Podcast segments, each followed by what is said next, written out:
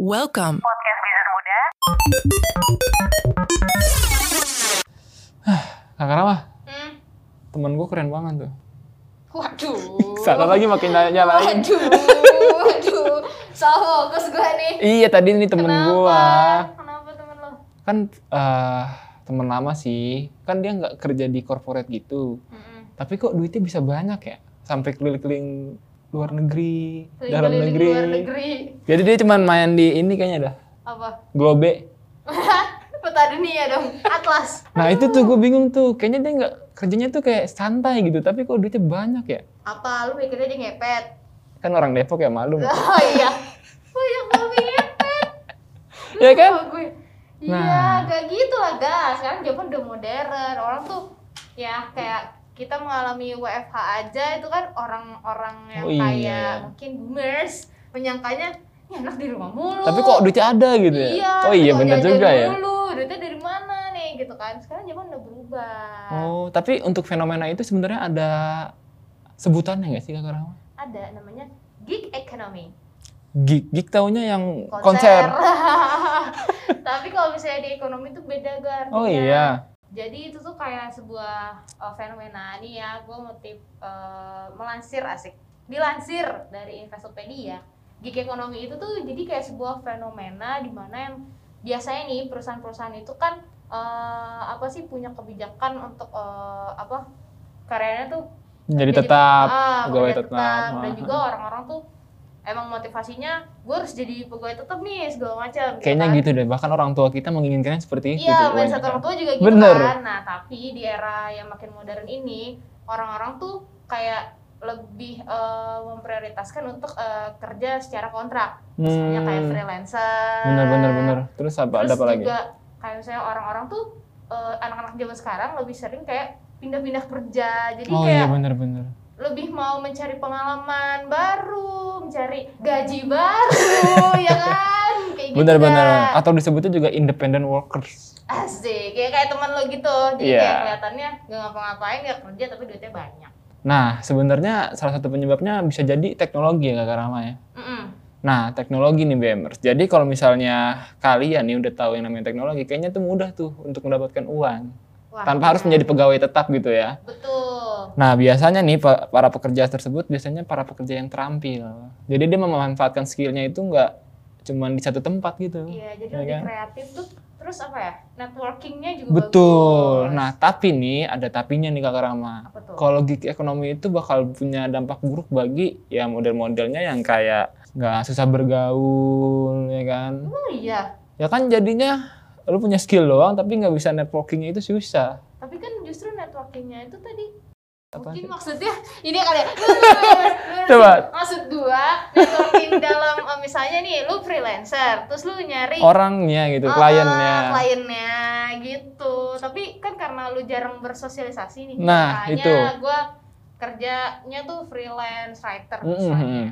ya kerjanya lebih sering di rumah atau co-working space atau cafe kayak gitu gue jarang yang harus berinteraksi dengan orang itu cocok deh kayaknya jadi Ya, pengen jadi iya karena gue nggak harus ketemu orang lain gitu benar tapi duit gue nambah, nambah gitu ya kan nah Iya. tapi ya itu dia sih sebenarnya dan jangan lupa uh, skill kalian dan hasilnya itu harus bisa dilihat juga oleh orang lain biar ya kliennya tuh ada lagi ada lagi oke oke itu penting sih benar yang pertama apa tuh gak asik yang pertama itu tempat Hah, Ah, itu. faktornya Mm, mm. Betul, betul, betul. jadi kadang kan orang misalnya jadi pekerja tetap atau Mm-mm. eh, corporate gitu kan kadang dia tuh apa ya jenuh kali ya dan Iya. merasa lebih pressure tuh lebih lebih tinggi. lebih tinggi gitu ya kan Belum drama-drama. Iya.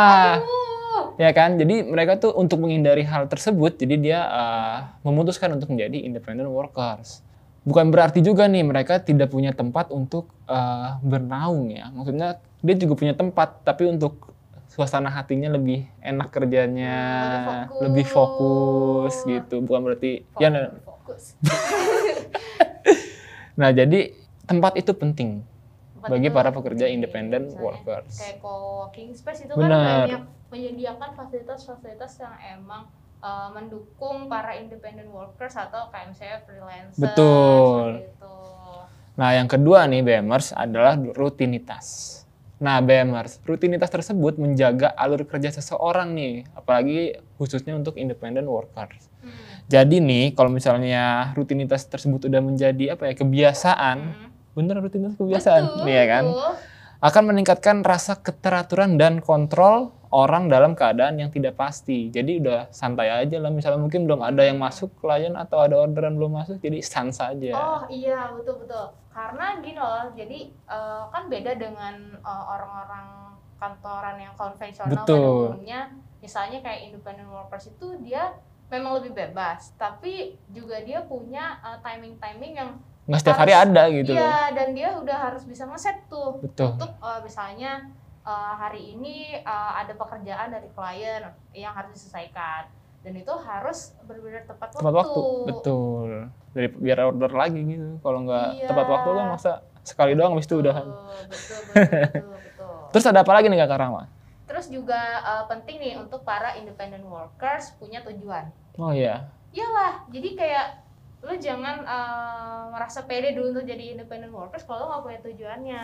Misalnya eh, lu tuh bingung gitu, gue pengen jadi independent workers tapi gue kerja apa ya? Ya jangan sampai kayak gitu. itu namanya ikut ikutan dong ya iya, lu tuh harus punya sesuatu eh, hal yang emang lu mau capai gitu goalsnya. Misalnya, Hmm. gue pengen jadi eh, professional writers nih. Nah, untuk eh, jadi professional writers, lu kan pasti freelance nih. betul Nah, itu lu harus punya tujuannya gitu dan lu harus eh, apa ya? Ketika punya tujuan, pasti lu punya step eh, step yang emang buat mencapai ke situ. benar dan tujuan tersebut harus kalian tuh punya rasa percaya diri yang tinggi atas skill kalian yang milik yang Betul, kalian miliki betul.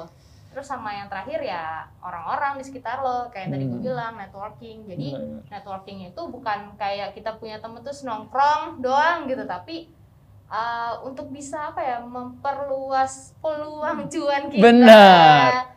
pengalaman kita juga karena misalnya gini kayak pekerja-pekerja seni ya itu mereka bisa hidup dengan apa ya komunitas jadi uh, mereka kalau misalnya apa ya nggak ikut komunitas tuh sendiri memang agak kurang sulit, misalnya ya lo mau bikin pentas atau mau bikin konser pasti lo butuh orang-orang di sekitar uh, lo Komunitas itu lo yang itu, Hmm. ha. eh, kayak komunitas gitu yang emang bisa mendukung pekerjaan lo benar dan skill kalian akan berguna jika kalian ikut komunitas itu betul sekali sendokiran mau bikin pentas apa iya makanya kayak nggak punya teman kan aduh Nah, kategori pekerja independen juga ada empat nih menurut coba McKinsey. oke Yang pertama, agen bebas yang memilih pekerjaan mandiri dan memperoleh penghasilan utama darinya. Hmm, Jadi ya dia pekerjaan tersebut sudah dijadikan pekerjaan utama i- tanpa apa ya? tanpa harus bergantung Tanpa harus bergantung dengan pekerjaan lain. Walaupun dia cuman seorang freelancer atau Mm-mm. apa lagi? Hmm. mungkin kayak J.K. Rowling kali atau Oh, penulis gitu kan dia udah kayak ya udah. ya udah gitu ya. udah bisa hidup dari karyanya ya Benar, nggak sih? benar, benar, Udah benar. tajir dari situ ya nggak sih terus yang kedua tuh ya freelancer Benar. yang kayak gue misalnya uh, freelance writer gue gak cuman kerja di satu tempat gue bisa di mana Mana-mana. iya Atau mungkin kalian pekerja tetap tapi kalian juga freelancer. Nah, itu juga bisa. nah itu pekerja namanya tuh lepas, re, relux Apa tuh? eh, nyontek dulu ya bebers tak salah nih oh, reluctance jadi lu freelance tapi lu masih kerja nih misalnya lu Benar. masih kerja di bisnis ya kan masih kerja di sini tapi lu freelance juga nah itu kategori itu tadi Yang terakhir nih BMers yaitu keterbatasan finansial. Yang berarti kalian tuh melakukan pekerjaan mandiri tambahan karena kebutuhan. Hmm, jadi kalau nggak butuh, yang Yang nggak salah. Ya nggak nggak usah gitu ya kan. Ini masih setengah-setengah nih hasil labil. Tapi nggak apa-apa, itu kan kebutuhan orang beda-beda. Dan ya. pilihan orang kan beda-beda kan. Nah kan kalau misalnya yang namanya fenomena gig economy itu berarti kan eh, pekerjaannya pekerja lepas nih Kak Rama. Hmm.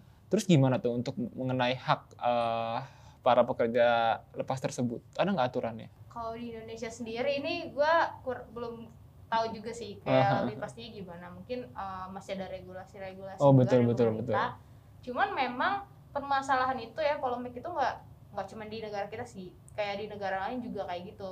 Tapi nih salah satu negaranya kayak misalnya di Inggris Eh, itu udah sih pemerintahnya tuh udah cukup terbuka dengan adanya eh, gig ekonomi gitu makanya kayak independent workers di sana tuh juga eh, udah dapat hak kayak hak liburan Oh, itu yang kasusnya Bonus. ini ya, yang kasusnya ride healing yang masalah driver ride Iya, lo healing. kayak driver-driver Uber. Iya, sama, gitu ya. kayak gitu tuh Ha-ha. mereka sama halnya dengan karyawan biasa gitu. Walaupun pekerja lepas tapi hak-haknya mereka tuh di- dikasih gitu ya. betul. Bahkan ada apa tadi yang tadi? Apa? Liburan berbayar ya. Hak-hak Iya. liburan ya. Iya. Kita nggak ada liburan Nah, nah, berbayar. nah, nah, nah, nah, nah, nah. Nah, di Spanyol juga nih BMers. Hmm, Di sana tuh akan menyetujui undang-undang yang mengatur bahwa gig ekonomi sebagai pekerja upahan.